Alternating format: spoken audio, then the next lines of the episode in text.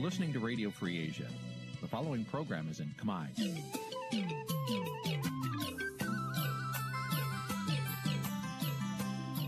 នេះជាកម្មវិធីផ្សាយ Vuthu Azizi Serai នេះជាកម្មវិធីផ្សាយរបស់ Vuthu Azizi Serai ជាភាសាខ្មែរ Vuthu Azizi Serai សូមស្វាគមន៍លោកអ្នកនាងទាំងអស់ពីរដ្ឋធានី Washington នៃសហរដ្ឋអាមេរិក បាទពីរដ្ឋធានី Washington ខ្ញុំបាទសេកបណ្ឌិតសូមជម្រាបសួរអស់លោកអ្នកនាងកញ្ញាទាំងអស់ជាទីមេត្រី បាទយើងខ្ញុំសូមជូនកម្មវិធីផ្សាយសម្រាប់រាត្រីថ្ងៃអង្គារ5រោចខែអាសត់ឆ្នាំឆ្លូវត្រីស័កពុទ្ធសករាជ2565ត្រូវនៅថ្ងៃទី26ខែតុលាគ្រិស្តសករាជ2021បាទជាដំបូងនេះសូមអញ្ជើញអស់លោកអ្នកនាងស្ដាប់ព័ត៌មានប្រចាំថ្ងៃដែលមានមេតិការដូចតទៅ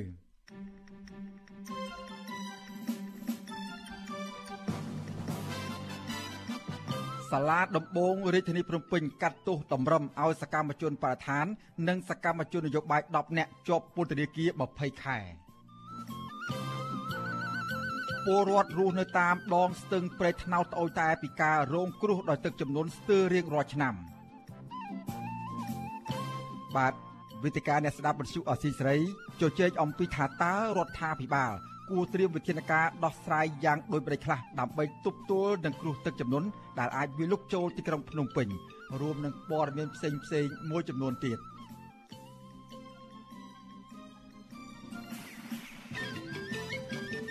បាទជាបន្តទៅទៀតនេះខ្ញុំបាទសេកបណ្ឌិតសូមជូនព័ត៌មានពិស្ដា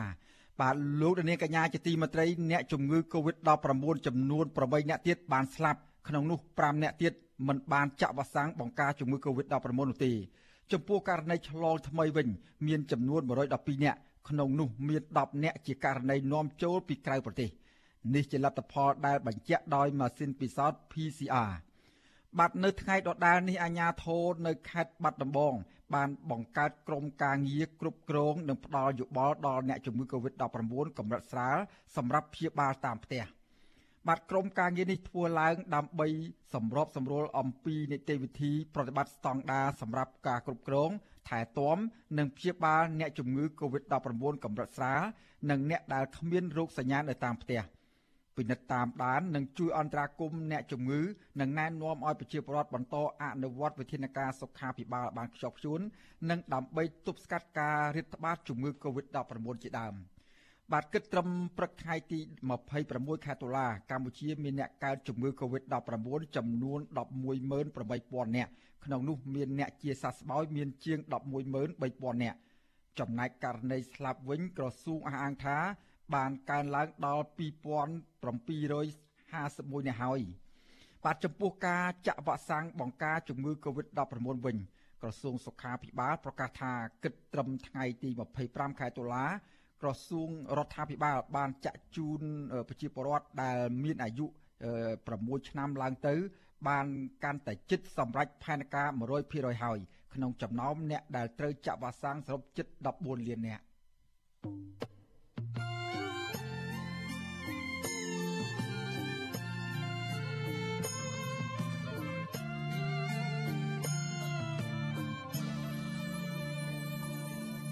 បាទលោកនាងកំពុងតាមដានស្ដាប់ការផ្សាយរបស់វិទ្យុអេស៊ីស្រីពីរដ្ឋធានី Washington សហរដ្ឋអាមេរិកបាទសាលាដំបងរាជធានីភ្នំពេញកាត់ទោសតម្រឹមឲ្យសកម្មជនបរិស្ថាន និងសកម្មជននយោបាយ10នាក់ឲ្យជាប់ពន្ធនាគារ20ខែ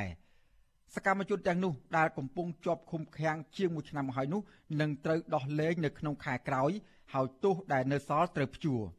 ទោះយ៉ាងណាសាច់ញាតិសកម្មជនសង្គមនិងអ្នកនយោបាយមិនពេញចិត្តចំពោះការសម្រេចក្តីរបស់សាលាដំបងក្រុងភ្នំពេញ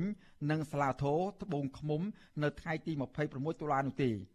មេធាវីនឹងពិភាក្សាជាមួយនឹងកូនក្តីក្នុងការប្តឹងឧទ្ធរណ៍និងបណ្ដឹងសារទុកបន្តទៀតលើករណីទាំងពីរនេះបាទពីរដ្ឋធានី Washington លោកមួងណារ៉េតរាយការណ៍ជុំវិញព័ត៌មាននេះ សាច់ញាតិរបស់អ្នកជាប់ឃុំនៅតែរក្សាជំហរថាសកម្មជនទាំងអស់គ្មានកំហុសនិងចាត់ទុកការចាប់និងឃុំខ្លួនពួកគាត់កន្លងមកថាជាចេតនាបង្ក្រាបសម្លេងរិះគន់រដ្ឋាភិបាលពួកគាត់ទាមទារឲ្យតុលាការទម្លាក់ចោលរាល់បទចោទប្រកាន់ទាំងអស់និងដោះលែងឬក៏ត្រូវកាត់ក្តីថាគ្មានទោសដើម្បីផ្ដល់ភាពស្អាតស្អំឲ្យអ្នកដែលកំពុងជាប់ឃុំទាំងអស់នោះ ប្អូនស្រីរបស់កញ្ញាអេងម៉ាឡៃហៅសូមេតាគឺកញ្ញាអេងវ៉ាន់ឌីយល់ថាបើទោះបីជាតឡាការបានកាត់តម្រឹមហើយព្យួរទោសដាក់ពន្ធនាគារខ្លះក៏ដោយក៏មិនយុត្តិធម៌នោះដែរកញ្ញាអះអាងថាតាំងពីដើមរៀងមក បងស្រីរបស់កញ្ញាមិនបានប្រព្រឹត្តកំហុសដោយការចោទប្រកាន់នោះទេដូច្នេះកញ្ញាទាមទារឲ្យតឡាការដោះលែងកញ្ញាសូមេតាវិញជាបន្ទាន់និងដោយឥតលក្ខខណ្ឌ មើលទៅទឹកមុខនឹងស្ថានភាពរបស់ពួកគាត់គឺគាត់អត់ទទួលយកគឺគាត់អត់មានទោសកំហុសត្រូវទទួលផងអញ្ចឹងសម្រាប់គាត់អត់មានអីត្រូវទទួលយកអ្វីដែលតុលាការបានប្រកាសចែកក្រមនោះផងចក្រមសាលាដំបងរាជធានីភ្នំពេញលោកទឹកសុធីបរឆាត នៅថ្ងៃទី26ខែតុលា បានប្រកាសសាលក្រមទ្រង់ទ្រាយធំ ពាក់ព័ន្ធនឹងសកម្មជនសង្គមនៃក្រមយុវជនខ្មែរថាវរៈចំនួន7នាក់គឺស្ត្រីឈឿនដារាវីលោកហ៊ុនវណ្ណៈ លោកមានព្រំមនីប្រជាប្រគុណកើតសារាយលោកថាឡាវី លោកមួងសុភ័ក្រនិងកញ្ញាអេងម៉ាឡៃហៅសូមេតានិងសកម្មជនគណៈបកសង្គ្រោះជាតិចំនួន3នាក់គឺលោកជុំពុទ្ធីលោកឈួភេងនិងលោកគង់សំអានឲ្យជាប់ពន្ធនាគារចំនួន20ខែ និងពិន័យប្រាក់ម្នាក់ចំនួន2លានរៀលឬក៏ប្រមាណ500ដុល្លារអាមេរិក។ អ្នកទាំងនេះជាប់ចោទពីបទញុះញង់ឲ្យមានភាពវឹកវរដល់សន្តិសុខសង្គមដែលប្រព្រឹត្តនៅប្រទេសកម្ពុជាកាលពីអំឡុងខែសីហានិងកញ្ញាឆ្នាំ2020កន្លងទៅពាក់ព័ន្ធនឹងការទាមទារឲ្យតុលាការដោះលែងសកម្មជនព្រំដែននិងជាប្រធានសហភាពសហជីពកម្ពុជាលោករងឈុនបើទោះបីជាយ៉ាងនេះក្តីចំពោះស្ត្រីឈឿនដារាវីលោកហ៊ុនវណ្ណៈលោកជុំពុទ្ធីនិងលោកឈួភេង ពួកគាត់ត្រូវបានតឡាការកាត់តម្រឹមទោសជាប់ពន្ធនាគារដោយឲ្យអ្នកទាំង4អនុវត្តទោសជាប់ពន្ធនាគារចំនួន15ខែបើគិតត្រឹមថ្ងៃទី26ខែតុលាអ្នកទាំង4ជាប់ពន្ធនាគារអស់រយៈពេលជាង15ខែមកហើយព្រោះពួកគាត់ជាប់ឃុំតាំងតែពីពាក់កណ្ដាលខែសីហាឆ្នាំ2020មកម្លេះ។ ដូច្នេះបើតាមសេចក្តីសម្រេចរបស់តុលាការនៅក្នុងការកាត់តម្រឹមទោសនេះក៏ដោយក៏ពួកគាត់ត្រូវតុលាការដោះលែងនៅថ្ងៃប្រកាសសាលក្រមនេះតែម្ដងក៏ប៉ុន្តែតុលាការនៅតែបន្តឃុំខ្លួនពួកគាត់តទៅទៀតអាចរហូតដល់ខែវិច្ឆិកាទើបដោះលែងហើយអ្នកផ្សេងទៀតរួមមានលោកមានព្រំមនីបដិជប្រគុណកើតសារាយលោកថាឡាវីលោកមួងសុភ័ក្រនិងកញ្ញាអេងម៉ាឡៃហៅសូមេតាវិញពួកគាត់ត្រូវអនុវត្តទោសជាប់ពន្ធនាគារចំនួន14ខែហើយទោសនៅសល់ត្រូវព្យួរ ដូចគ្នានេះដែរបើគិតមកត្រឹមថ្ងៃទី26ខែតុលាអ្នកទាំងនេះជាប់ពន្ធនាគារអស់រយៈពេលជាង14ខែមកហើយព្រោះពួកគាត់ជាប់ឃុំតាំងពីដើមខែកញ្ញាឆ្នាំ2020មកម្លេះដូច្នេះបើតាមសេចក្តីសម្រេចរបស់តុលាការនៅក្នុងការកាត់តម្រឹមទោសនេះពួកគាត់គួរតែត្រូវតុលាការដោះលែងនៅថ្ងៃប្រកាសសាលក្រមនេះភ្លាមក៏ប៉ុន្តែតុលាការក៏នៅតែបន្តឃុំខ្លួនពួកគាត់តទៅទៀតអាចរហូតដល់ខែវិច្ឆិកានោះដែរទើបដោះលែង។ បើទោះបីជាយ៉ាងនេះក្តីពួកគាត់ទាំងអស់សុទ្ធតែត្រូវតឡាការដាក់ឲ្យស្ថិតក្រោមការព្យួរទោសសាកល្បងសម្រាប់រយៈពេល2ឆ្នាំដោយតម្រូវឲ្យពួកគាត់ជូនដំណឹងទៅតឡាការបើពួកគាត់ផ្លាស់ប្ដូរអាសយដ្ឋាន ផ្លាស់ប្ដូរការងារឬក៏ចង់ចាក់ចេញពីប្រទេសព្រមទាំងលក្ខខណ្ឌផ្សេងផ្សេងទៀតដោយឡែកមនុស្សចំនួន4នាក់ផ្សេងទៀតពួកគាត់ត្រូវតឡាការកាត់ទោសដោយកំបាំងមុខអ្នកទាំងនោះរួមមានមន្ត្រីនិងសកម្មជនបកប្រឆាំង4នាក់ដែលកំពុងរស់នៅក្រៅប្រទេសគឺលោកហូវ៉ាន់លោកអ៊ូចាន់រិទ្ធ លោកគង់សភានិងលោកសេងមេងប៊ុនរងដោយតឡាការឲ្យពួកគាត់ជាប់ពន្ធនាគារម្នាក់ម្នាក់ចំនួន2ឆ្នាំនិងពិន័យជាប្រាក់ម្នាក់4លានរៀលឬក៏ប្រហែល1000ដុល្លារអាមេរិកនៅក្នុងបទចោទផ្ដើមគំនិតនិងញុះញង់ឲ្យមានភាពវឹកវរដល់សន្តិសុខសង្គមពាក់ព័ន្ធនឹងសកម្មភាពតវ៉ានៅមុខសាលាដំបូងរាជធានីភ្នំពេញកាលពីឆ្នាំមុននោះ។ ក៏ប៉ុន្តែចំពោះករណីអតីតតំណាងរាស្ត្រខ្មែរអូស្ត្រាលីនៃរដ្ឋវិកតូរីយ៉ាប្រទេសអូស្ត្រាលីគឺលោកហុងលឹមវិញលោកត្រូវបានតុលាការទម្លាក់ចោលបទចោទប្រកាន់ប្រឆាំងលើរូបលោកក្រោយពេលប្រកាសសាលក្រមរួចលោកចៅក្រមទឹកសុធីបរឆាតបានបង្គាប់ឲ្យឆ្មាំពន្ធនាគារដឹកសកម្មជនទាំង10នាក់ទៅពន្ធនាគារវិញដោយមិនអនុញ្ញាតឲ្យនិយាយអ្វីទាំងអស់ឆ្មាំពន្ធនាគារក៏មិនបានអនុញ្ញាតឲ្យសកម្មជនទាំងនេះបានជួបសាច់ញាតិនោះដែរនៅក្រៅពេលប្រកាសសាលក្រមរួចនោះ។ ចំណែកឯស្ថានភាពនៅក្រៅតុលាការវិញ មានសភាពស្ងប់ស្ងាត់ធម្មតានិងគ្មានអ្នកតវ៉ាទេព្រោះខុសពីសពមួយដង លើកនេះមន្ត្រីតុលាការបានអនុញ្ញាតឲ្យសាច់ញាតិចូលទៅស្ដាប់ការប្រកាសសាលក្រមនៅក្នុងបន្ទប់សវនាការបាន ជាមួយគ្នានេះនៅឯសាលាធរខេត្តត្បូងឃ្មុំឯណោះក៏មានការប្រកាសសាលដីកាលើសំណុំរឿងសកម្មជនបកប្រឆាំងនិងសកម្មជនដីធ្លីចំនួន8នាក់ដែរនៅថ្ងៃទី26ខែតុលាសាច់ញាតិរបស់អ្នកកំពុងជាប់ឃុំនៅក្នុងពន្ធនាគារខេត្តត្បូងឃ្មុំក៏មិនពេញចិត្តចំពោះសាលដីកានោះដែរព្រោះសាលាធរបានតម្កល់សាលក្រមសាលាដំបងខេត្តត្បូងឃ្មុំទុកជាបានការដដែល ប្រពន្ធរបស់សមាជិកក្រុមប្រឹក្សាជាប់ឆ្នោតក្រុងសួងខេត្តត្បូងឃ្មុំនៃគណៈបកសង្គ្រោះជាតិលោកអ៊ុំយេតគឺលោកស្រីងួនផល្លាដែលតឡាការអនុញ្ញាតឲ្យចូលស្ដាប់ការប្រកាសសាលដីកានោះ ឲ្យដឹងថាចៅក្រមសម្រាប់បន្ថយទោសដាក់ពន្ធនាគារ2ខែដោយឲ្យមីឃុំមីមុតជាប់ឆ្នោតនៃគណៈបកប្រឆាំងគឺលោកលៀបសុភេងមកជាប់ទោសត្រឹមតែ10ខែវិញតែអ្នកនយោបាយនិងសកម្មជនដីធ្លី7អ្នកផ្សេងទៀតត្រូវជាប់ពន្ធនាគារ12ខែនិងពិន័យជាប្រាក់1លានរៀលឬក៏ប្រហែល250ដុល្លារអាមេរិកដដែល លោកស្រីទៀមទាថាយ៉ាងហោចណាស់សាឡាវធរខេត្តត្បូងឃ្មុំត្រូវកាត់ក្តីសកម្មជនទាំង8នាក់ឲ្យជាប់ពន្ធនាគារត្រឹមតែ10ខែឲ្យស្មើភាពគ្នានិងត្រូវដោះលែងពួកគាត់ឲ្យមានសេរីភាពឡើងវិញលោកស្រីអះអាងថាលោកស្រីនឹងពឹងពាក់មេធាវីដើម្បីប្តឹងសារទុកនឹងការកាត់ក្តីយ៉ាងអយុត្តិធម៌នេះ ខ្ញុំទទួលយកអត់បានទេព្រោះអីដូចថាតឡាការនឹងអត់យុត្តិធម៌ទេកាត់នឹងកាត់ថ្ងៃជាមួយគ្នាហើយអ្នកខ្លះមួយឆ្នាំអ្នកខ្លះ10ខែដូចថាអត់យុត្តិធម៌ឲ្យតឡាការនឹងឲ្យធ្វើរបៀបដូចថាមិនច្បាស់លាស់ណាតែខ្ញុំចង់ជំនុំពរឲ្យតឡាការនឹងស្គូឡើងវិញសំណុំរឿងក្តីឧទ្ធរណ៍នៅត្បូងឃ្មុំនេះមានជនជាប់ចោតជាង10នាក់ដែលរងបាត់ចោតញុះញង់ឲ្យមានភាពវឹកវរធ្ងន់ធ្ងរដល់សន្តិសុខសង្គមពាក់ព័ន្ធនឹងសកម្មភាពនយោបាយនិងសេរីភាពបញ្ចេញមតិដូចគ្នានៅក្នុងនោះមានសកម្មជនចំនួន8នាក់ត្រូវបានចាប់ខ្លួន គឺ6នាក់ជាសមាជិកគណៈបកសង្គ្រោះជាតិនៅក្នុងខេត្តត្បូងឃ្មុំលោកអ៊ុំយេតលោកម៉ាក់សំអាន លោកព្រៅចន្ទធឿននិងលោកស្រីខនតនចំណែកឯម្នាក់ទៀតគឺជាតំណាងសហគមន៍ដីធ្លីស្រែប្រាំងគឺលោកសែមចំណាន និងម្នាក់ទៀតគឺជាតំណាងសហគមន៍ដីធ្លីជាំក្រវៀនលោកផុនសុផលដោយឡែកលោកស៊ូយៀនត្រូវតឡាការដោះលែងនៅពេលថ្មីថ្មីនេះក្រោយជាប់ពន្ធនាគារបានមួយឆ្នាំក្នុងសំណុំរឿងនេះដដែលតឡាការខេត្តត្បូងឃ្មុំក៏កាត់ទោសកំបាំងមុខ តំណាងរាស្ត្រជាប់ឆ្នោតខេត្តត្បូងឃ្មុំនៃគណៈបកសង្គ្រោះជាតិលោកវណ្ណនរិទ្ធនិងមន្ត្រីគណៈបកប្រឆាំងនៅតាមមូលដ្ឋានចំនួន5នាក់ទៀតគឺលោកស៊ូយេនលោកតាំងសុផុនលោកញឹមថនលោកជាយ៉ាម៉ននិងលោកឃ្លីកវីនៅក្នុងបទញុះញង់ឲ្យមានភាពវឹកវរធ្ងន់ធ្ងរដល់សន្តិសុខសង្គមដោយជាប់ពន្ធនាគារម្នាក់មួយឆ្នាំនិងពិន័យជាប្រាក់ម្នាក់1លានរៀល ជំវិញការប្រកាសសាលក្រមនិងសាលដីការបស់តុលាការទាំងពីរនេះមេធាវីសោកស្ដាយចំពោះការកាត់ក្តីឲ្យសកម្មជនទាំងអស់មានទោសលោកមេធាវីសំសុគង្គពន្យល់ថាសកម្មភាពតវ៉ាកន្លងមកគឺជាការប្រើប្រាស់សិទ្ធិសេរីភាពសម្ដែងមតិដែលគ្រាន់តែទាមទារឲ្យដោះលែងលោករងឈុនតែប៉ុណ្ណោះហើយថាកូនក្តីរបស់លោកគ្មានបំណងទៅញុះញង់ឬក៏បង្កឲ្យមានភាពវឹកវរធ្ងន់ធ្ងរដល់សន្តិសុខសង្គមនោះទេ ចំណែកឯករណីនៅខេត្តត្បូងឃ្មុំក៏កូនក្តីរបស់លោកមិនបានញុះញង់អ្វីនោះដែរលោកនឹងជួបកូនក្តីទាំងអស់ដើម្បីពិភាក្សាការបដិងសាទុកទៅសាលាធរភ្នំពេញនិងតុលាការកំពូលក្រុមអ្នកខ្លាំមើលសិទ្ធិមនុស្សក៏បង្ហាញការមិនពេញចិត្តនឹងការសម្រេចក្តីនៅក្នុងសំណុំរឿងបែបនយោបាយនេះដែរប្រធានសមាគមការពារសិទ្ធិមនុស្សអាត់ហុកលោកនីសុខាព្រួយបារម្ភថាការកាត់ទោសកម្មជន ដែលគ្រាន់តែបានប្រើប្រាស់សិទ្ធិសេរីភាពរបស់ខ្លួនបែបនេះគឺជាការរំលោភលើគោលការណ៍នីតិរដ្ឋ អ្នកខ្លាំមើលសិទ្ធិមនុស្សរូបនេះសង្កេតឃើញថាសកម្មជនភៀសច្រើនត្រូវបានតឡាការប្រើវិធីកាត់តម្រឹមទោសពន្ធនាគារដែលមិនមែនជាការស្វែងរកយុត្តិធម៌ពិតប្រាកដនោះទេ យើងមើលពីរបៀបនៃការកាត់ហ្នឹងគឺត្រូវធ្វើការតម្រឹមទោសហ្នឹងមានន័យថាជាប់ក្នុងកម្រិតនៃគាត់បានជាប់ទោសនឹងហើយប៉ុណ្ណាគឺដាក់អហៈហែលនេះប៉ុណ្ណឹងហើយទោសសល់ពីប្រមាណគឺព្យួរអ្វីត្បិតតែមាននីតិវិធីតម្រូវឲ្យតុលាការមានការដាក់ទោសព្យួរខ្លះក៏ដោយក៏ប៉ុន្តែយើងឃើញអំពីចរិតនៃការដាក់ទោសទណ្ឌកន្លងមកទៅលើសកម្មជនទាំងអស់ហ្នឹងគឺមានន័យថាហាក់បីដូចជាការកាត់ហ្នឹងគឺមានលក្ខណៈតម្រឹមមិនមែនជាការកាត់មួយដែលបញ្ចេញបញ្ហាយុត្តិធម៌ទេ ចាប់តាំងតែពីឆ្នាំ2020មករបបក្រុងភ្នំពេញបានចាប់អ្នកនយោបាយសកម្មជនសង្គមសកម្មជនដីធ្លីបរិស្ថាន និងអ្នកដែលហ៊ានរិះគន់រដ្ឋាភិបាល ដាក់ឃុំនៅក្នុងពន្ធនាគារក្រោមបទញុះញង់ចូលរួមគំនិតក្បត់ជេរប្រមាថរដ្ឋាភិបាល ប្រមាថព្រះមហាក្សត្រ ដែលសរុបទាំងអស់មានជិត90នាក់ទៅហើយដោយគ្រាន់តែពួកគាត់អនុវត្តសិទ្ធិជាមូលដ្ឋានរបស់ខ្លួនជាទូទៅសកម្មជនភៀសច្រើនត្រូវបានតឡាការកាត់ក្តីថាមានទោសជានិច្ចបើទោះបីជាក្រុមអ្នកខ្លាំមើលជឿជាក់ថាតឡាការរកមិនឃើញបាត់ល្មើសក៏ដោយទន្ទឹមនឹងនេះសហគមន៍ជាតិនិងអន្តរជាតិនិងក្រុមអ្នកជំនាញសិទ្ធិមនុស្សអង្គការសហប្រជាជាតិផងតែងតែហៅការចាប់ខ្លួន ការផ្ដន់ទាទោសកម្មកជនកន្លងមក ថាជាការបង្ក្រាបសម្លេងរិះគន់និងជាអំពើរំលោភសិទ្ធិមនុស្ស ខ្ញុំបាទមុងណារ៉េត With you Asisari ពីរដ្ឋធានី Washington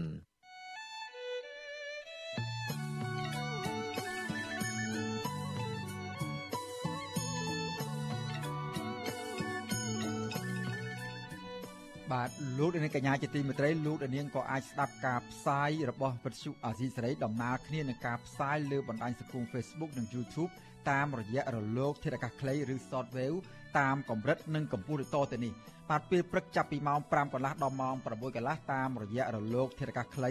13715 kHz ស្មើនឹងកម្ពស់ 22m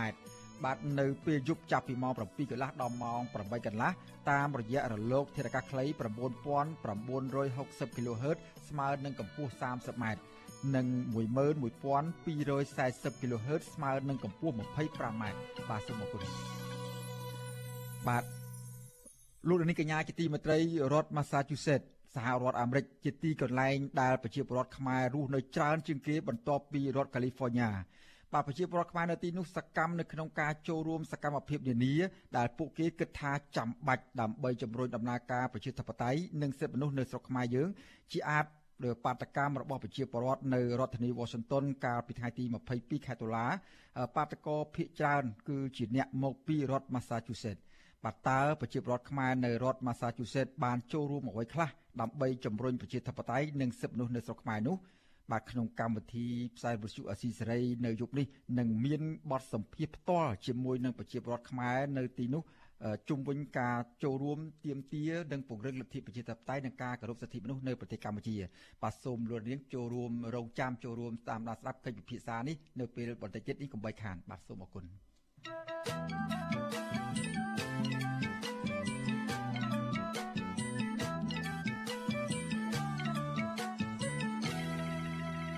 បាទឥឡូវនេះយើងក៏លេចមកមើលបញ្ហាទឹកចំនួនវិញម្ដង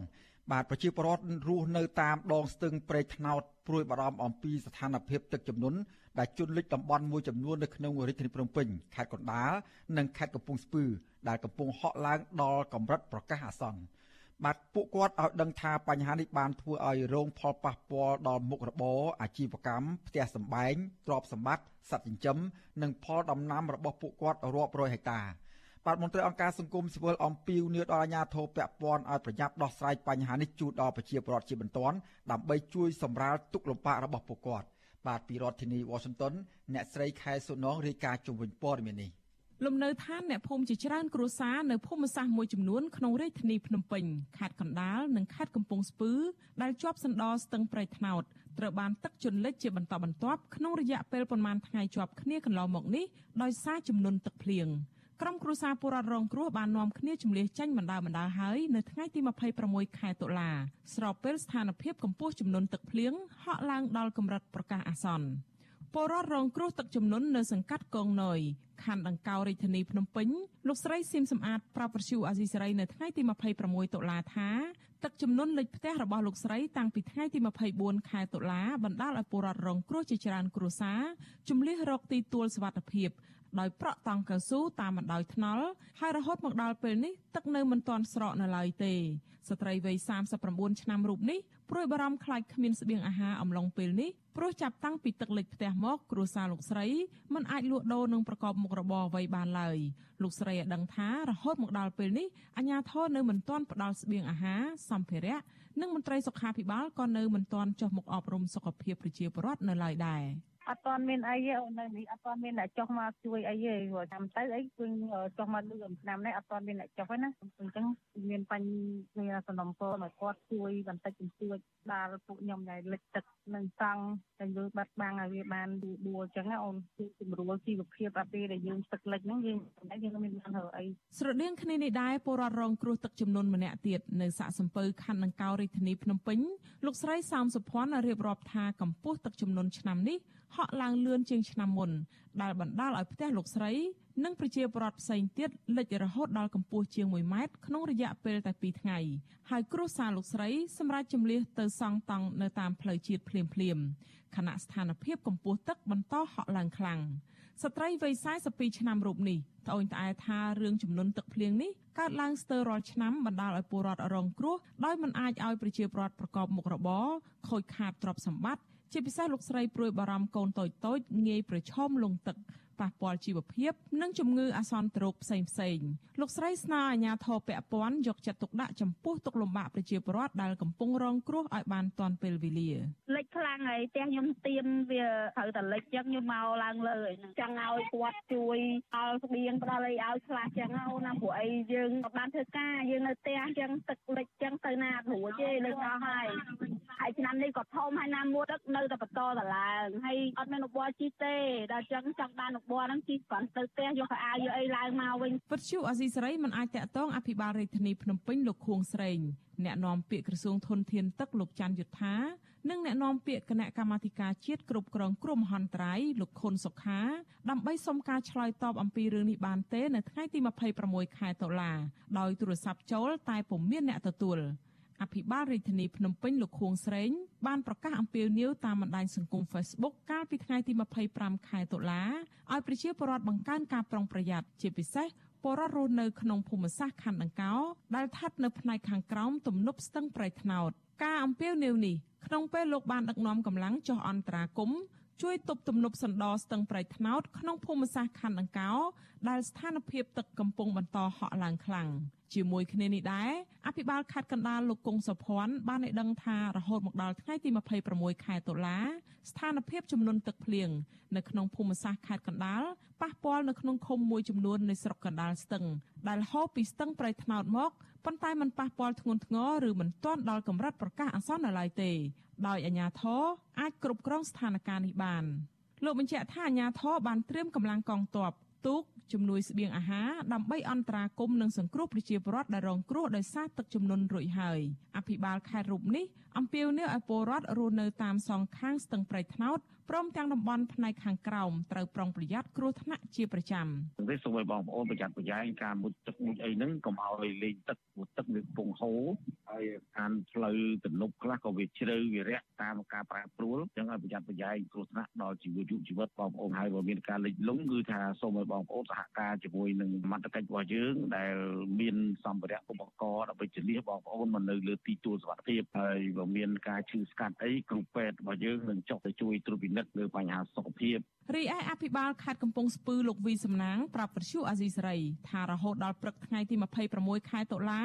ស្ថានភាពចំនួនទឹកភ្លៀងនៅស្ទឹងប្រៃថ្នោតដែលលិចសង្កាត់នឹងឃុំមួយចំនួនហាក់នៅត្រឹងនិងអាចគ្រប់គ្រងបានដដែល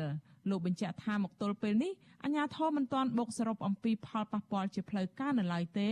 ប៉ុន្តែពុំមានករណីពលរដ្ឋស្លាប់ដោយសារទឹកជំនន់នោះដែរ លោកឲ្យដឹងថាមន្ត្រីជំនាញខេត្តកំពុងតាមដានស្ថានភាពទឹកភ្លៀងនៅថ្ងៃទី27និងថ្ងៃទី28ខែតុលានេះហើយប្រសិនបើមានភ្លៀងធ្លាក់ខ្លាំងនៅប៉ុន្មានថ្ងៃជាប់គ្នាខាងមុខនេះនឹងធ្វើឲ្យកម្រិតទឹកស្ទឹងហក់ឡើងកាន់តែខ្ពស់បណ្ដាលឲ្យជន់លិចផ្ទះសម្បែងនិងផលដំណាំដូច្នេះអាជ្ញាធរនឹងជួនដំណឹងដល់ពលរដ្ឋរួមទាំងជំនះពលរដ្ឋទៅរកទីទួលសុវត្ថិភាព។ ស្ថានភាពចំនួនទឹកភ្លៀងតាមសណ្ដោស្ទឹងប្រៃថ្នោតហក់ឡើងខ្លាំងនៅក្នុងភូមិសាស្ត្ររាជធានីភ្នំពេញមានដូចជាសង្កាត់កងណយសង្កាត់សាក់សំពៅនៃខណ្ឌដង្កោ និងសង្កាត់បឹងធំ សង្កាត់ប្រទេសឡាង នៃខណ្ឌកំបូលរួមទាំងស្រុកនិងក្រុងមួយចំនួននៃខេត្តកណ្ដាលនិងខេត្តកំពង់ស្ពឺបានជន់លិច ធ្វើឲ្យប៉ះពាល់ដល់ផ្ទះសម្បែងប្រជាពលរដ្ឋជាច្រើនខ្នងទ្រព្យសម្បត្តិផលដំណាំនិងសត្វចិញ្ចឹមបន្ទាប់ពីមានភ្លៀងធ្លាក់ជាប់ជាប់គ្នាប្រមាណថ្ងៃកន្លងមកនេះតែមកដល់ពេលនេះអាជ្ញាធរជាតិនៅមិនទាន់បង្ហាញរបាយការណ៍អំពីចំនួនខូចខាតនៃទ្រព្យសម្បត្តិឬប៉ះពាល់ដល់អាយុជីវិតមនុស្សនិងសត្វថាមានចំនួនប៉ុន្មាននៅឡើយទេក្រសួងធនធានទឹកនិងអូតូនិយមបានជូនដំណឹងនៅថ្ងៃទី26ខែតុលា អំពីស្ថានភាពអាកាសធាតុដោយព្យាករណ៍ថា កម្ពុជា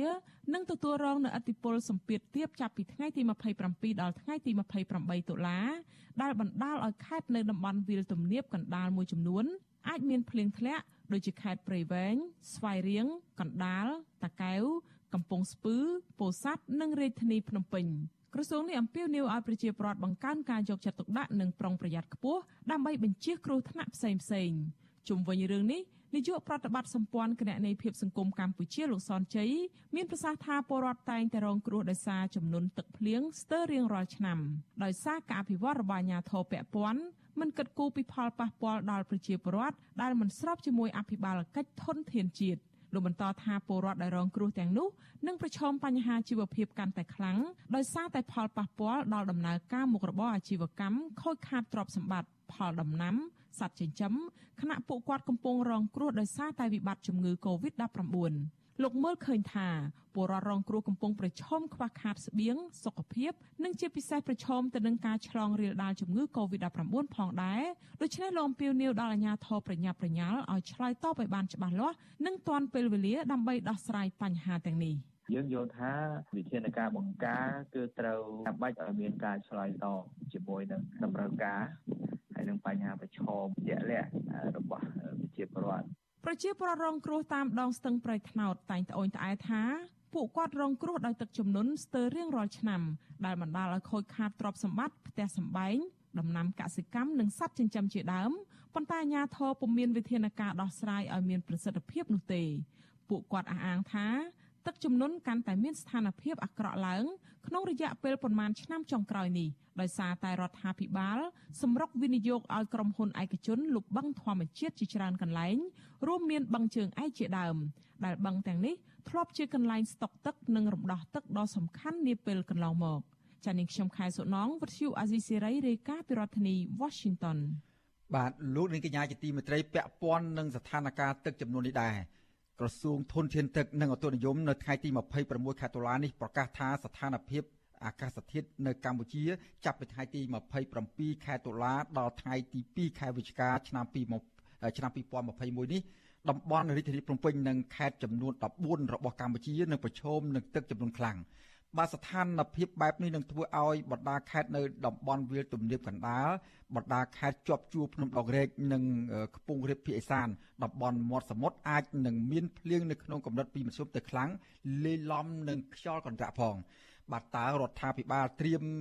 គួរត្រៀមវិធានការដោះស្រាយយ៉ាងដូចម្តេចខ្លះបើសិនជាទឹកចំនួនវាលុកចូលតំបន់មួយចំនួននៅជារាជធានីភ្នំពេញឬក៏ចូលទៅក្នុងរាជធានីភ្នំពេញនោះហើយនឹងបណ្ដាខេត្តមួយចំនួនទៀត បាទសូមលោកនាងរងចាំស្ដាប់នេតិវេទិកាអ្នកស្ដាប់របស់វិទ្យុអាស៊ីសេរីនៅក្នុងរាត្រីនេះពេលបន្តិចទៀតនេះហើយបើសិនជាលោកនាង មានសំណួរឬមួយក៏ចម្ងល់លើបញ្ហាអ្វីឬក៏ចង់បញ្ចេញមតិយោបល់ជុំវិញរឿងបញ្ហាទឹកចំនួននេះសូមលោកនាងដាក់លេខទូរស័ព្ទនៅក្នុងខ្ទង់ comment របស់ Facebook ការផ្សាយផ្ទាល់របស់វិទ្យុអាស៊ីសេរីយើងខ្ញុំនឹងហៅត្រឡប់ទៅលោកអ្នកវិញដើម្បីចូលរួមជាមួយយើងខ្ញុំទាំងអស់គ្នាបាទសូមអរគុណ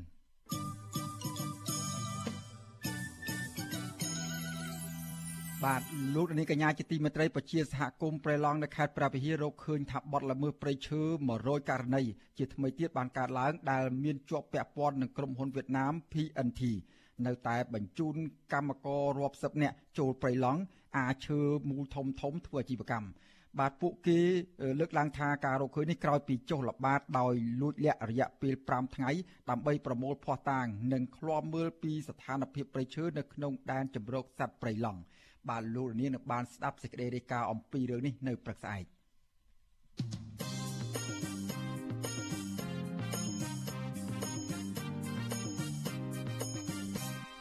បាទប្រជាពលរដ្ឋប្រមាណ70នាក់តំណាងឲ្យប្រជាពលរដ្ឋជាង100គ្រួសារនៅក្នុងឃុំចំនួន3នៃស្រុកគិរីសាគរបាននាំគ្នាដាក់ញត្តិទៅសាលាខេត្ត កោះកុងស្នើសុំឲ្យអាជ្ញាធរផ្ដល់ដំណោះស្រាយជាថ្មីទៀតក្រោយពីពួកគាត់មិនព្រមទទួលយកគោលនយោបាយរបស់រដ្ឋាភិបាលដោះដូរដីធ្លីកាលពីពេលកន្លងទៅ បាទមន្ត្រីអង្គការសង្គមស៊ីវិលសង្ឃឹមថាអាជ្ញាធរខេត្តនិងក្រសួងដែនដីនឹងពិនិត្យមើលពិនិត្យមើលសំណើរបស់ប្រជាពលរដ្ឋដោយយកចិត្តទុកដាក់និងទទួលខុសត្រូវខ្ពស់ដើម្បីឈានទៅដល់ការដោះស្រាយបញ្ចប់វិវាទដីធ្លីដ៏រ៉ាំរ៉ៃមួយនេះដោយជោគជ័យនិងទទួលយកបានពីប្រជាពលរដ្ឋបាទលោកនាងក៏នឹងបានស្ដាប់សេចក្តីរាយការណ៍អំពីរឿងនេះនៅព្រឹកស្អែកដែរបាទលោកនាងកញ្ញាជាទីមេត្រីលោកនាងទើបនឹងបានស្ដាប់ ព័ត៌មានប្រចាំថ្ងៃដែលរៀបចំជូននៅខ្ញុំបាទសេកបណ្ឌិតពីរដ្ឋធានីវ៉ាស៊ីនតោនសហរដ្ឋអាមេរិកហើយជាបន្តទៅទៀតនេះសូមអញ្ជើញដល់លោកនាងរងចាំស្ដាប់នៅទីវេទិកាអ្នកស្ដាប់របស់វិទ្យុអាស៊ីសេរី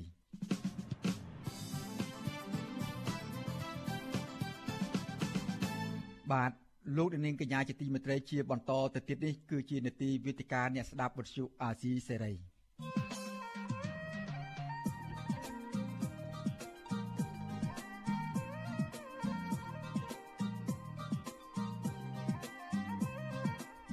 វេទិកាអ្នកស្ដាប់វិទ្យុអាស៊ីសេរី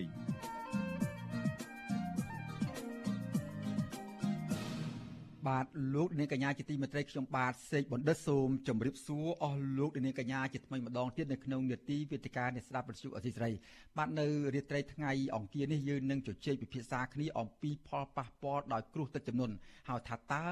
រដ្ឋាភិបាល គួរតែមានវិធានការដោះស្រាយនិងទប់ទល់បង្ការទុកជាមុនយ៉ាងដូចម្តេចខ្លះដើម្បីបញ្ជាកុំឲ្យប្រជាពលរដ្ឋរងផលប៉ះពាល់ធ្ងន់ធ្ងរអំពីវិបត្តិជំងឺ Covid រងផលប៉ះពាល់ធ្ងន់ធ្ងរពីវិបត្តិទឹកជំនន់នេះខណៈដែលកម្ពុជាកំពុងតែប្រឈមខ្លាំងនឹងការកើត ជំងឺឆ្លង COVID-19 ផងនោះបាទដោយសេចក្តីរាយការណ៍របស់អ្នកស្រីខែសុនងពីខាងដើមមិញអញ្ចឹងឥឡូវនេះស្ថានភាពទឹកចំនួននៅភូមិខាងត្បូងនៃរាជធានីភ្នំពេញនិងខេត្តកំពង់ស្ពឺនឹងកំពុងតែមានការគម្រាមកំពុងតែមានការគម្រាមកំហែងខ្លាំងបាទ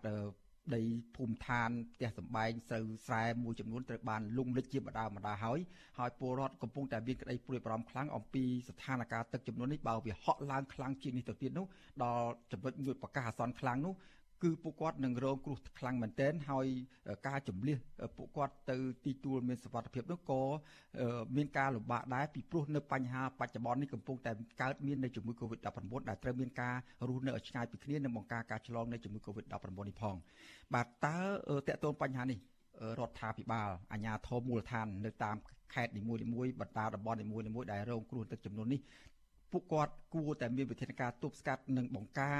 កុំឲ្យមានការឆ្លងជំងឺ Covid-19 និងបង្ការកុំឲ្យមានការគ្រោះថ្នាក់ដល់អាយុជីវិតលិចលង់ផ្ទះសម្បែងផលដំណើររបស់ពួកគាត់យ៉ាងដូចម្តេចខ្លះបាទនៅក្នុងរាត្រីនេះយើងបានអញ្ជើញភ្ញៀវពីររូបគឺលោកថេងសវឿនបាទលោកថេងសវឿនគឺជាប្រធានសមាគមសម្ព័ន្ធ សហគមន៍កសិករកម្ពុជាហៅកាត់ថា CCFC ហើយវាគ្មិនមួយរូបទៀតគឺលោកសនជ័យបាទលោកសនជ័យគឺជាប្រធានអង្គការសម្ព័ន្ធកេរនីភាពសង្គមកម្ពុជាហៅកាត់ថាអានសាហើយខ្ញុំបាទសូមជម្រាបសួរលោកទាំងពីរពីចម្ងាយបាទបាទសូមជម្រាបសួរលោកសេចបណ្ឌិតដូចជាសូមជម្រាបសួរលោកសនជ័យផងដែរហើយសូមក្រាបថ្វាយបង្គំព្រះថេរានិងទូរៈគ្រប់ព្រះអង្គហើយនិងបងប្អូនជនរួមជាតិដែលកំពុងតាមដានការផ្សាយរបស់វិទ្យុអស៊ីសេរីទាំងអស់ជាទីគោរពជាទីស្រឡាញ់បាទ បាទសូមអរគុណលោកថេងសវឿនបាទលោកសុនជ័យឬពួកខ្ញុំច្បាស់ទេបាទបាទខ្ញុំទទួលបានច្បាស់បាទអរគុណឥឡូវនេះខ្ញុំសូមជូនដំបូងគេទៅលោកថេងសវឿនដែលជា ប្រធាន សមាគមសម្ព័ន្ធសហគមន៍កសិករកម្ពុជា ដែលលោកបានតាមដានមើលរឿងនេះដិតដល់ដែរតើវានឹងផ្ដល់ផលប៉ះពាល់យ៉ាងដូចម្តេចខ្លះបើសិនជាបញ្ហាទឹកចំនួននេះវាលុកខ្លាំងចូលតំបន់មួយចំនួននៅក្នុងជុំវិញរាជធានីភ្នំពេញឬមួយក៏អាចចូលដល់ក្នុងរាជធានីភ្នំពេញតែម្ដង ថ្មីថ្មីនេះអភិបាលរាជធានីភ្នំពេញលោកខួងស្រេកបានប្រកាសហើយថាសូមឲ្យក្រសួងធនធានទឹកធ្វើយ៉ាងណាបង្វែរមុខទឹកនឹងកុំឲ្យបុកចំរាជធានីភ្នំពេញបើសិនជាមុខទឹកនេះបុកចំចូលរាជធានីភ្នំពេញនឹងផ្ដល់នៅផលវិបត្តិធ្ងន់ធ្ងរជាពិសេសប៉ះពាល់ដល់ការខូចខាតនិងប៉ះពាល់ដល់សេដ្ឋកិច្ចតែមួយតែម្ដងហើយប្រហែលខែមុននេះប្រហែលទឹកមុននេះក៏កម្ពុជាកំពុងរងទុក ធ្ងន់ដែរនៅខាងខេត្តឧត្តរមានជ័យដែលជាតំបន់ជួរភ្នំដងរែកជាប់នឹងប្រទេសថៃនោះក៏កំពុងតែរៀងកំពុងតែទទួលរងនៅគ្រោះទឹកចំនួនធ្ងន់ធ្ងរដែរហើយប្រជាពលរដ្ឋជាច្រើនគូសាកំពុងតែជួបគ្រោះទួលផឹកនៅបញ្ហានេះត្រឡប់មកវិញចំពោះបញ្ហាតំបន់ថ្មីដែលជួបដែលកំពុងតែជួបរងគ្រោះនៅពេលនេះដូចជាតំបន់នៅក្នុងខេត្តកណ្ដាលតំបន់សាក់សំពើជាដើមក៏លោកនាងបានឃើញរូបភាពផ្សព្វផ្សាយជាបន្តបន្តហើយនៅតាមបណ្ដាញសង្គម Facebook និងបណ្ដាញសារព័ត៌មាននេះនោះកំពុងតែលុកលេងលុក លុកលិចលង់ជាបដាមរាហើយតើការលិចលង់នេះនឹងផលផ្ដល់ផលប៉ះពាល់យ៉ាងម៉េចខ្លះនៅខណៈដែលកម្ពុជានឹងកំពុងតែជួបបញ្ហាការឆ្លងជំងឺ Covid-19 នោះហើយនឹងការត្រៀមលក្ខណៈទីទួលមានសុវត្ថិភាពបើសិនជាពួកគាត់ត្រូវជម្លៀសទៅកាន់ទីទួលមានសុវត្ថិភាពនៅក្នុងខណៈដែលកម្ពុជាកំពុងតែរងនៅ COVID-19 ផងតើវានឹងផ្ដល់ផលវិបត្តិយ៉ាងម៉េចដែរបាទសូមអញ្ជើញលោកថេងសវឿនបាទ អរគុណលោកសេងបណ្ឌិតហើយក៏ដូចជាសូមក្រាបថ្វាយបង្គំនិងជម្រាបសួរសាជាថ្មីដល់បងប្អូនប្រិយមិត្តអស់លោកលោកស្រីក៏ដូចជាលោកសេងបណ្ឌិតបានដឹងហើយថានេះគឺជាឆ្នាំទី2ហើយតាមការកត់សម្គាល់របស់ខ្ញុំនៃការជន់លិចអឺនឹងអាចប្រឈមនឹងជន់លិចនៃដំណាក់កាលឆ្នាំទី2នៃភូមិខាងត្បូងនៃរាជធានីភ្នំពេញបើខ្ញុំចាំមិនខុសទេ គឺថានៅក្នុងឆ្នាំ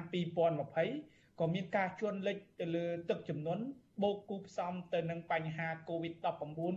ក៏មានការរីករាលដាលផងដែរអញ្ចឹងប្រសិនបើក្នុងករណីឆ្នាំនេះបើសិនជាមានការរីករាលដាលកាន់តែខ្លាំងនៃទំហំទឹកចំនួនដែលបង្កចេញពីស្ទឹងប្រែកថ្នោតភ័ក្រខាងត្បូងរាជធានីភ្នំពេញនោះយើងគិតថានេះគឺជាគ្រោះអាសន្នមួយដែល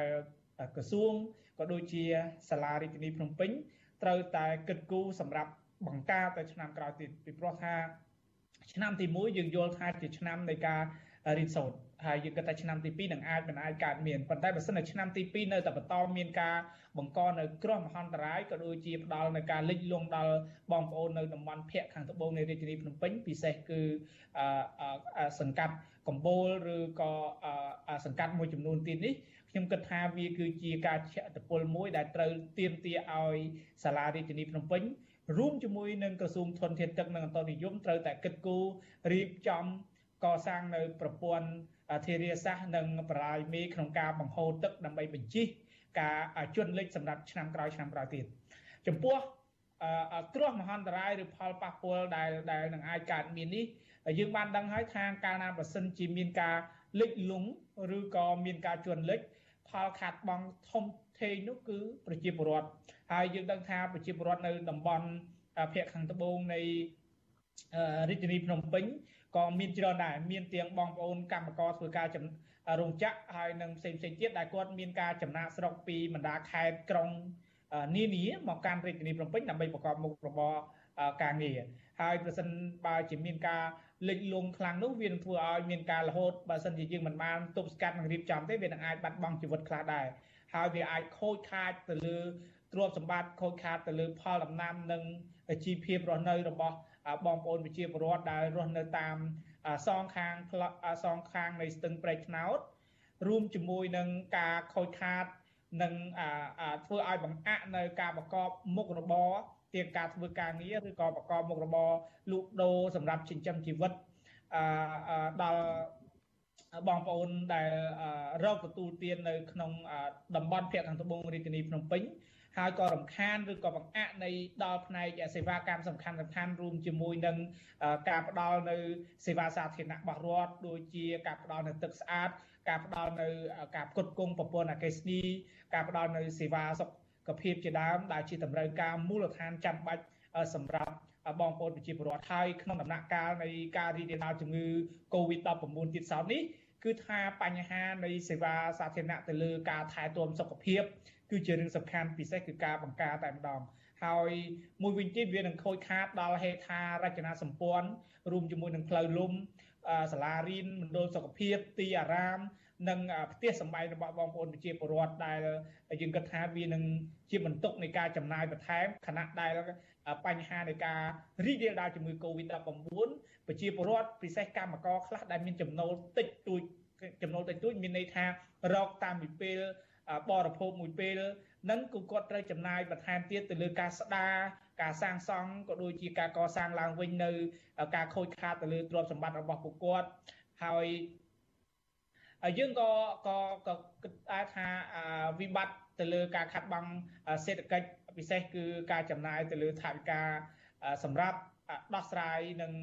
សង្គ្រោះរបស់ប្រជាជនហ្នឹងក៏ក៏ច្រើនដែរអញ្ចឹងនេះគឺជា ផលប៉ះពាល់ធំធំដែលខ្ញុំមើលឃើញហើយអ្វីដែលខ្ញុំគិតឲ្យនឹងព្រួយបារម្ភខ្លាំងនោះគឺថាផលប៉ះពាល់ទាក់ទងនឹងការប្រកបមុខរបររួមជាមួយនឹងទ្រព្យសម្បត្តិមានទាំងរថយន្តឡានម៉ូតូរួមជាមួយផ្ទះសម្បែងហើយនឹងការកន្លែងប្រកបមុខរបររបស់បងប្អូនប្រជាពលរដ្ឋដែលរស់នៅតាមបណ្ដោយដងស្ទឹងព្រែកថ្នោតអឺដែលតែងតែរកទទួលទានបានរួចសពដងហ្នឹងគឺគាត់ពី នឹងពិបាកក្នុងការរកទទួលទានឬក៏ចេញទៅប្រកបការងារហើយមួយវិញទៀតក៏រឿងអាចប្រឈមហានិភ័យផ្សេងផ្សេងទៀតហើយសូមបងប្អូនមានការប្រុងប្រយ័ត្នផងពិសេសតាក់ទងទៅនឹងប្រព័ន្ធភ្លើងអគ្គិសនីពីព្រោះថាវាអាចឆ្លងហើយឬក៏អាចមានឧបតហេតុណាមួយកើតឡើងហើយរួមជាមួយនឹងការប៉ះពាល់ដល់សុខភាពរបស់បងប្អូនដែរគឺដោយសារតែពេលទឹកឡើងចឹងពិបាកក្នុងការ ចេញរកកន្លែងអាហារឬក៏ទឹកសម្រាប់បរិភោគអញ្ចឹងអាជ្ញាធរត្រូវតែទីបង្ការទៅលើស្បៀងអាហារក្នុងដំណាក់កាលការជំនិះជាបណ្ដោះអាសន្នសម្រាប់បងប្អូនប្រជាពលរដ្ឋនេះឲ្យឲ្យខានតែបានបាទអរគុណឥឡូវខ្ញុំសូមងាកទៅលោកសុនជ័យដែលជាប្រធានអង្គការសម្ព័ន្ធគណនេយ្យភាពសង្គមកម្ពុជា បាទលោកសុនជ័យតាមការតាមដានកន្លងមកផ្ទះរបស់លោកនៅក្នុងនៅក្នុងទីក្រុងភ្នំពេញដូចជាលុះពេលតិចណាស់ដែលកិច្ចចេញពីពីគ្រោះទឹកចំនួនលងលិចនេះតាមការសង្កេតរបស់លោកទាំងនៅក្នុងទីក្រុងភ្នំពេញទាំងនៅតំបន់ជារាជធានីភ្នំពេញដែលតែងតែរងគ្រោះដល់ទឹកចំនួនមិនលុះពេលនេះតើតាមការសង្កេតនឹងថាវាបណ្ដាលមកពីកត្តាអ្វីខ្លះដែលនៅពីក្រោយនៃគ្រោះគ្រោះធម្មជាតិហ្នឹងបាទ បាទអរគុណសូមជំរាបសួរបងប្អូនអ្នកស្ដាប់ទាំងអស់ហើយនឹងសូមចូលរួមសម្ដែងនៅការសោកស្ដាយរបស់បងប្អូនជនរួមជាតិដែរដែល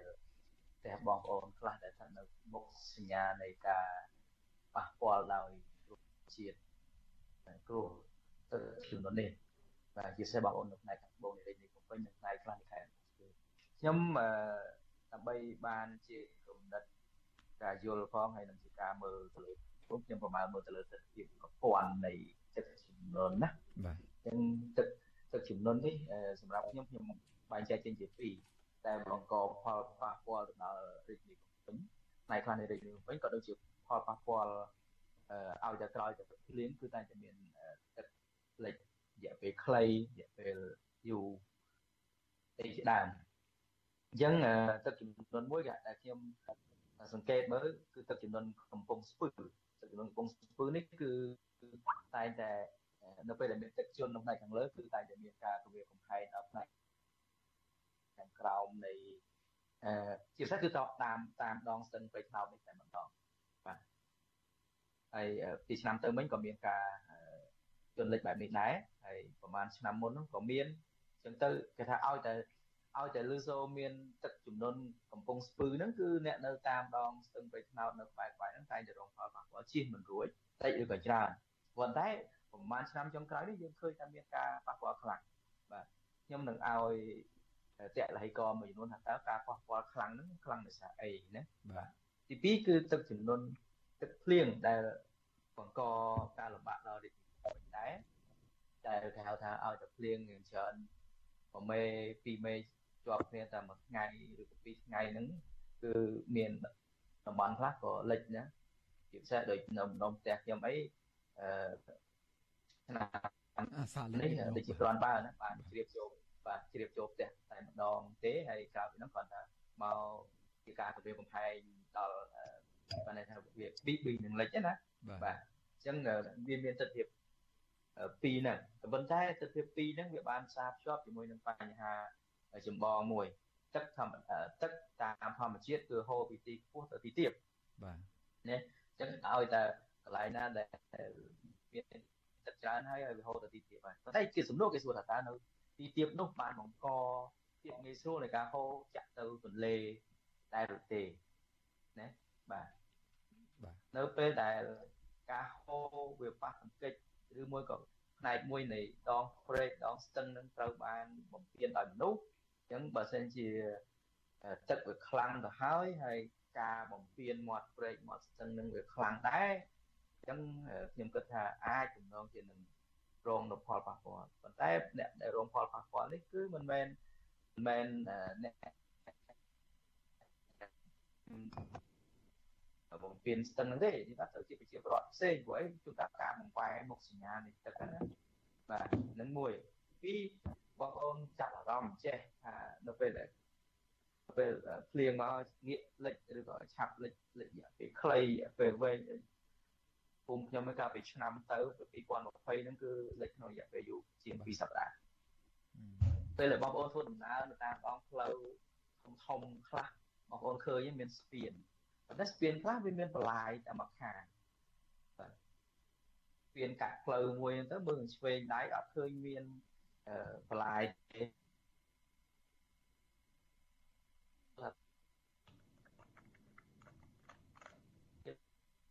កន្លែងខ្លះយើងជិះទៅធ្វើដំណើរទៅទៅស្ពានសងខាងវាសងតែមានបន្លាយស្ពានវាជាប់ពីបន្លាយមួយតែបាទ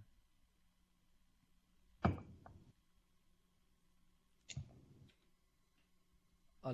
អឡូបាទលោកលោកសុនជ័យខ្ញុំខាងខ្ញុំដូចពិបាកឮទទួល សម្លេងពីខាងលោកអត់បានជាប់ស្ដាច់ដាច់បាទប្រហែលជាមកពីបញ្ហាអ៊ីនធឺណិត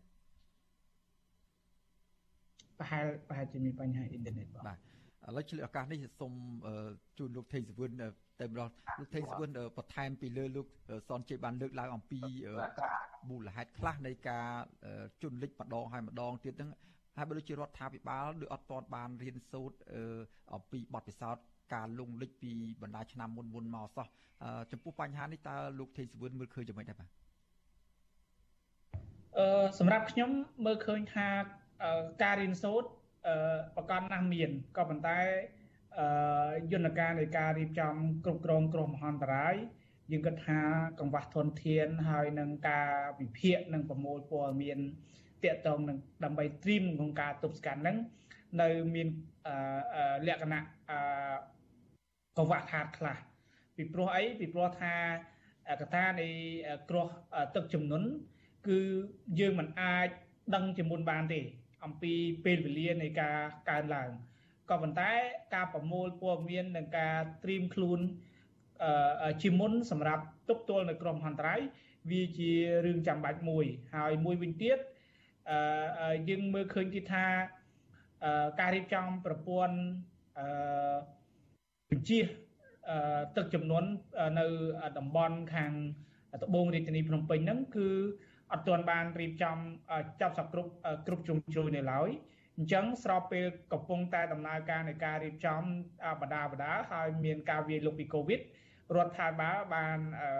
ក៏ដូចជាអាជ្ញាធររាជធានីសាលារាជធានីភ្នំពេញជាប់ដៃទៅលើការទប់ស្កាត់ជំងឺកូវីដអញ្ចឹងគឺពេលហ្នឹងគឺថា បញ្ហាពីរកើតឡើងគឺនៃក្រុមហន្តរាយគឺក្រុមហន្តរាយដោយសារការរាតត្បាតនៃជំងឺសកលនៃកូវីដផងហើយនឹងគ្រោះទឹកចំនួនផងអញ្ចឹងទាមទារឲ្យមានការរៀបចំទៀងការវិភាគនិងប្រមូលព័ត៌មាន រួមជាមួយនឹងការរៀបចំត្រៀមនៅធនធាននិងការធ្វើផែនការជាយុទ្ធសាស្ត្របង្ការត្រៀមនឹង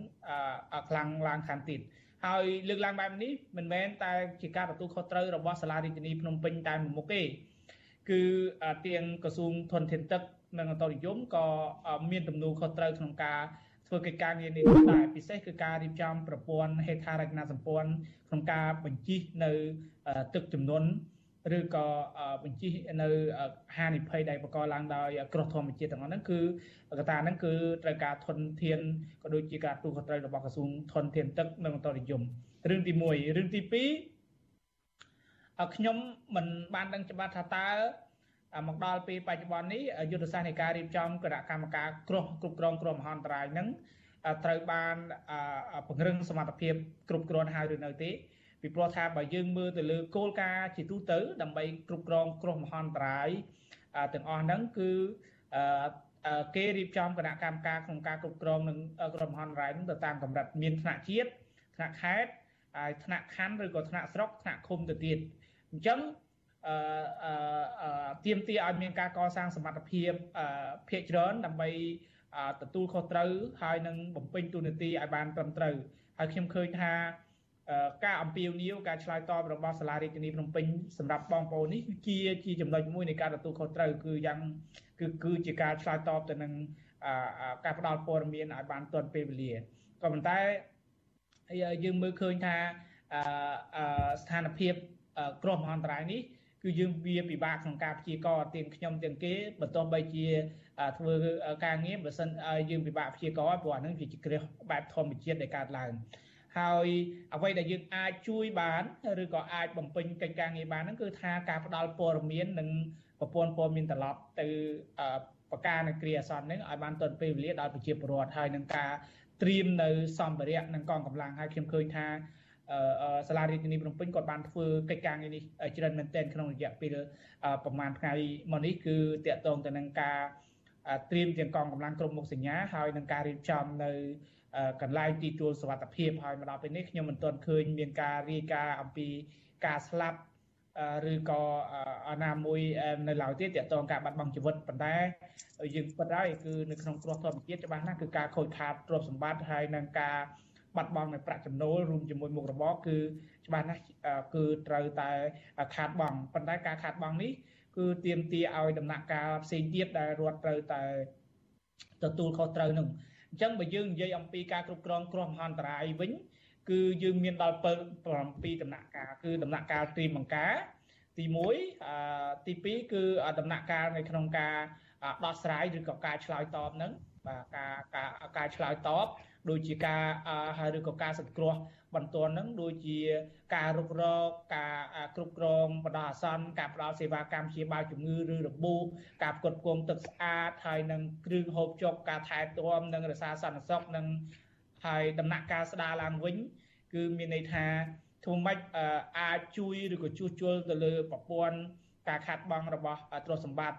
ហហើយមួយវិញទៀតគឺការដំណាក់កាលចុងក្រោយគឺដំណាក់កាលសំទោសដំណាក់កាលការកសាងឡើងវិញវាមានដំណាក់កាលស្ដារនិងដំណាក់កាលកសាងឡើងវិញហើយមួយទៀតគឺដំណាក់កាលនៃការអភិវឌ្ឍរួមនឹងដំណាក់កាលនៃការការពារអញ្ចឹងជាកាតព្វកិច្ចរបស់រដ្ឋគឺមាន5 7ចំណុចសំខាន់សំខាន់ដែលត្រូវតែឆ្លើយតបហើយក្នុងពេលបច្ចុប្បន្ននេះយើងឃើញថារដ្ឋកំពុងតែធ្វើក៏ដូចជាអាជ្ញាធរកំពុងតែអនុវត្ត ដំណាក់កាលសំខាន់គឺដំណាក់កាលត្រៀមបង្ការដែលបានធ្វើរួចរាល់ហើយឥឡូវនេះគឺដំណាក់កាលនៃការសង្គ្រោះបន្ទាន់បាទហើយនឹងការរុករកផងដែរហើយដំណាក់កាលបន្ទាប់ទៀតដែលត្រូវគិតនោះគឺដំណាក់កាលនៃការស្ដារឡើងវិញរួមជាមួយនឹងការជួសជុលលើការខូចខាតនិងការជួយទៅលើដល់ប្រជាពលរដ្ឋដែលរងគ្រោះក៏ដូចជាខាត់បងនៅទ្រព្យសម្បត្តិនិងខាត់បងនៅមុខរបរផ្សេងទៀតឬក៏ប្រាក់ចំណូលផងដែរបាទ បាទអរគុណលោកទេសវឿនឥឡូវនេះឃើញលោកសនជ័យយើងបានភ្ជាប់លោកបានឡើងវិញហើយមុននេះមិញហ្នឹងលោកបានលើកឡើងខ្លះខ្លះអំពីតលហិកដែលនាំឲ្យមានការជន់លិចម្ដងហើយម្ដងទៀតទាំងនៅជាទីក្រុងភ្នំពេញនៅក្នុងទីក្រុងភ្នំពេញលោកសនជ័យមានអ្វីបន្ថែមទៀតចំណុចណាសំខាន់ទេសូមឲ្យសង្ខេបហើយខ្ញុំសូមជាប់នៅសំណួរមួយទៀតដែលថាក្នុងអំឡុងពេលលិចទឹកម្ដងម្ដងរាល់ឆ្នាំនោះយើងអត់អត់ដែលប៉ះមានជំងឺ Covid-19 ទេយ៉ាងច្រើនយើងមានជំងឺឆ្លងផ្នែកអឺ សុខភាពសត្វអីជាដើមរាករូសជាដើមក៏ប៉ុន្តែបន្ទុកមួយទៀតសម្រាប់ឆ្នាំនេះនេះគឺថាមានជំងឺ Covid-19 ផងហើយជាទូទៅយើងរដ្ឋាភិបាលតែអាជ្ញាធរតែជំនះប្រជាពលរដ្ឋសត្វធាតទៅរួមគ្នានៅទីទួលសวัสดิភាពហើយយើងដឹងថាទីទួលសวัสดิភាពវាមិនធំប្រមាណទេអញ្ចឹងបើសិនជាវាមិនធំប្រមាណទេការជំនះប្រជាពលរដ្ឋទៅទីទួលសวัสดิភាពនោះតើរក្សាកម្រិតយ៉ាងម៉េច ធ្វើយ៉ាងម៉េចការរស់នៅនឹងយ៉ាងម៉េចដើម្បីបង្ការកុំឲ្យឆ្លងជំងឺ Covid-19 បន្ថែមបន្ទុកមួយជាន់ទៀតទៅលើបញ្ហាទឹកចំនួនមកលោកសុនជ័យសុំចេញបាទអរគុណអឺជាបទពិសោធន៍ដែលយើងសង្កេតមើលថាតើម្ដងហើយម្ដងទៀតនឹងអ្វីជាដំណោះស្រាយណាយើងសង្កេតមើលទីមួយការដោះស្រាយគឺមិនមែនជាការដោះស្រាយដែលមានលក្ខណៈ តែតែការអន្តរាគមទេការអន្តរាគមយើងឃើញឃើញប៉ុន្មានថ្ងៃនេះវត្តមានមន្ត្រីអ្នកមុខអ្នកការបានទៅដល់ទីនោះក៏ប៉ុន្តែសម្រាប់ខ្ញុំខ្ញុំគិតថាដំណាក់កាលត្រៀមបង្ការជារឿងសំខាន់មួយបន្ថែមទៀតបន្ថែមត្រង់ថាអឺតើការពិនិត្យមើលទៅលើដល់ស្ទឹងប្រៃថ្នោតនឹងថាតើស្ទឹងនេះត្រូវបានអ្នកអភិវឌ្ឍអចលនទ្រព្យ នឹងមានបានរំលោភបំពានអឺលួចគេហៅថាបំពាបំពានធ្វើឲ្យផ្នែកខ្លះនៃស្ទឹងហ្នឹងបានអឺខូចខាតឬមួយក៏បានរួមតូចដែរទេហើយផ្នែកខាងក្រោមចរន្តដែលទឹកហូរឆ្ពោះទៅតាមធម្មជាតិហ្នឹងតើមានមនុស្សមនុស្សលោកហ្នឹងបានទៅប៉ះពាល់ទៅចាក់លុបមិនអភិវឌ្ឍ ចាក់ដីលុបមិនបានដាក់លូដាក់អីប្រព័ន្ធលូអីបានត្រឹមត្រូវដែរទេណាហើយផ្នែកខាងលើក៏អញ្ចឹងដែរយើងមើលពីពីតាមបើតាមមើលទៅជាយុទ្ធជាជាករណីស្ទឹងព្រែកថ្នោតនេះគឺត្រូវតែមានការសិក្សាជាប្រព័ន្ធតែម្ដងពីខេត្តពងស្ពឺមករហូតដល់មកខេត្តកណ្ដាលតាមមើលណាយើងឃើញពីឆ្នាំទៅមិញឃើញមានក្រសួង អឺធនធានទឹកអឺបានការរំលោភผมស្ទឹងបឹងបួរប្រឡាយជាដើមណាហើយសួរថាតើវិធានការនោះ បានមានប្រសិទ្ធភាពប៉ុណ្ណាណាអញ្ចឹងដូចខ្ញុំបានអឺជំរាបជូនខ្លះហើយប៉ុន្តែមិនដឹងបងប្អូនបានឮច្បាស់ទេនៅពេលកំណត់បើសិនជាយើងឃើញ ថាមានតែស្ពានហើយមិនមានប្រឡាយសងខាងដើម្បីបង្ហូរដើម្បីប្រើភ្ជាប់ជាមួយនឹងស្ពាននឹងទេខ្ញុំគិតថានោះគឺជាចំណុចមួយដែលយើងត្រូវគិតដែរថាតើអាជ្ញាធរដែនដីហ្នឹងហេតុអីបានជាបាតប្រឡាយទៅណានៅសល់តែស្ពានអីជាដើមតួនាទីប្រឡាយតួនាទីបឹងតួនាទីបឹងសម្រាប់ស្តុកទឹកតួនាទីរបស់ព្រែកនេះ មធ្យោបាយសម្រាប់ការបង្ហូរទឹកឲ្យបានលឿនដើម្បីកុំឲ្យវានៅប៉ះពាល់ជាប្រវត្តិបាទអញ្ចឹងការសិក្សាជាប្រព័ន្ធការស្ដារប្រឡាយនៅនៅរដូវប្រាំងគឺជារឿងមួយដ៏សំខាន់ការត្រួតពិនិត្យជាប្រព័ន្ធទៅលើព្រែកទៅលើស្ទឹងជាប្រព័ន្ធឆ្លងឆ្លងរាជធានីទៅពីរាជធានីមួយ ទៅខេត្តមួយពីខេត្តមួយទៅខេត្តមួយទៀតគឺជារឿងដ៏សំខាន់ខ្ញុំឃើញមានអន្តរាគមដែរនៅតាមបណ្ដាស្រុកខ្លះនៅខ្ញុំនិយាយជារួមណាប៉ុន្តែការអន្តរាគមនោះគឺធ្វើឡើងទៅពេលដែលឃើញទឹកមកជាលហើយប៉ុន្តែពេលដែលគេចាក់ដីលុបមាត់បន្លាយចាក់អីធ្វើឲ្យបន្លាយគុំតូចហ្នឹងដូចជាមិនទាន់ឃើញមានអន្តរាគមអីឲ្យគួរជាទីកក់ក្ដៅទេអាហ្នឹងខ្ញុំខ្ញុំនិយាយជារួមទេណាបាទប៉ុន្តែករណីរឿងស្ទឹងពេកព្រែកថ្នោតនេះវិញ គឺជារឿងមួយដែលគេត្រូវមើលជាប្រព័ន្ធហើយហើយរកឲ្យឃើញថាតើអឺអ្វីដែលអាចកាត់បន្ថយបាននៅហាអនិភ័យធម្មតាទៅចំនួនការជនហើយអឺគឺពិបាកនឹងពលប៉ុន្តែគាត់ការទល់ដែលមានបាទការអរគុណបាទលោកសុនជ័យឥឡូវដោយសារតែពេលវេលាយើងបានបាទ លោកសុនជ័យដោយសារតែពេលវេលាយើងខូចណាស់ទៅហើយអញ្ចឹងចង់ឲ្យលោករៀបរាប់ថាតើបញ្ហាប្រឈមក្នុងការបើសិនជាត្រូវចម្លៀសប្រជាពលរដ្ឋទៅទីទួលមានសវត្ថភាពក្នុងពេលដែលកំពុងតែមានជំងឺ Covid-19 ផងនោះតើវានឹង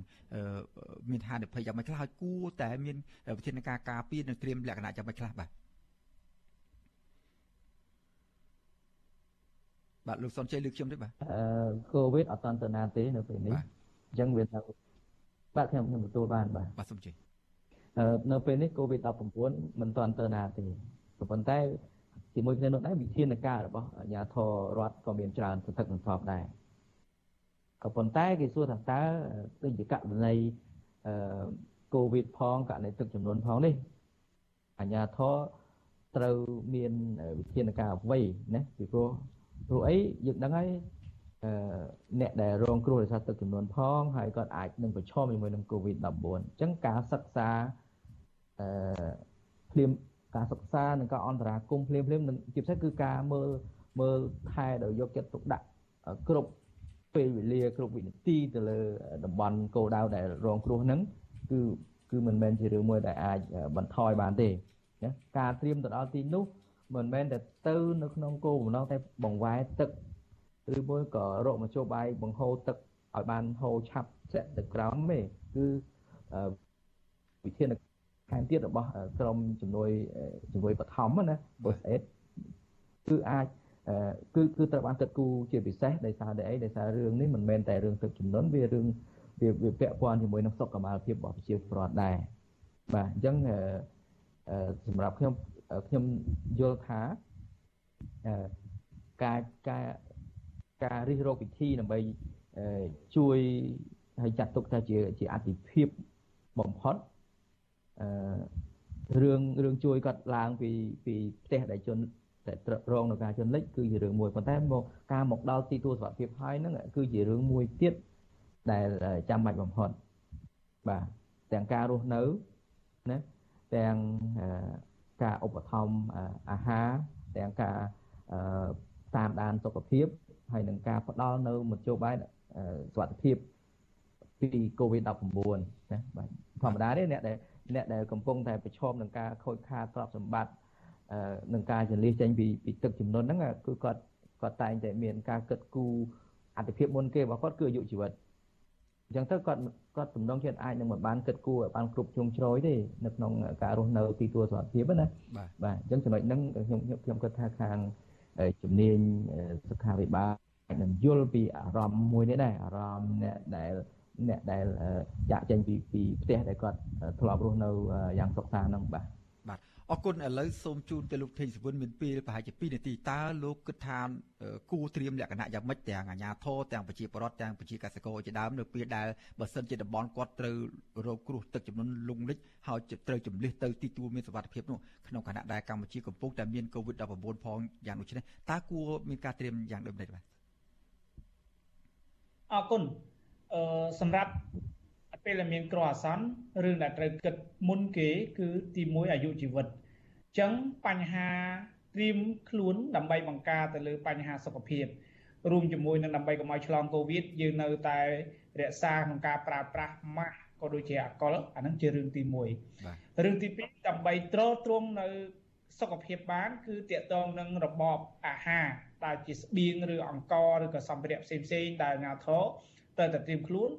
រួមជាមួយនឹងអឺអឺប្រជាពលរដ្ឋខ្លួនឯងហើយថ្នាំសង្កូវខ្លះក៏ត្រូវត្រៀមដែរឬទីមួយទៀតមួយទៀតខ្ញុំគិតថាជាអនុសាសន៍របស់ខ្ញុំ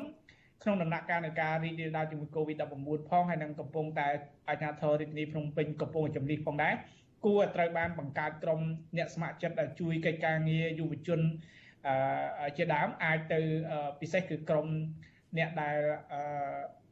ទទួលខុសត្រូវទៅលើផ្នែកសុខភាពអាចថាទាំងកម្លៀតក្នុងការជួយថែរក្សាការព្យាបាលជំងឺករណីកូវីដហើយនឹងជួយពិនិត្យទៅលើសុខភាពរបស់បងប្អូនប្រជាពលរដ្ឋដែលចាក់ចេញពីលំនៅឋានឬក៏ផ្ទះសម្បែងដែលលងលិចហ្នឹងមកទូសម្បត្តិ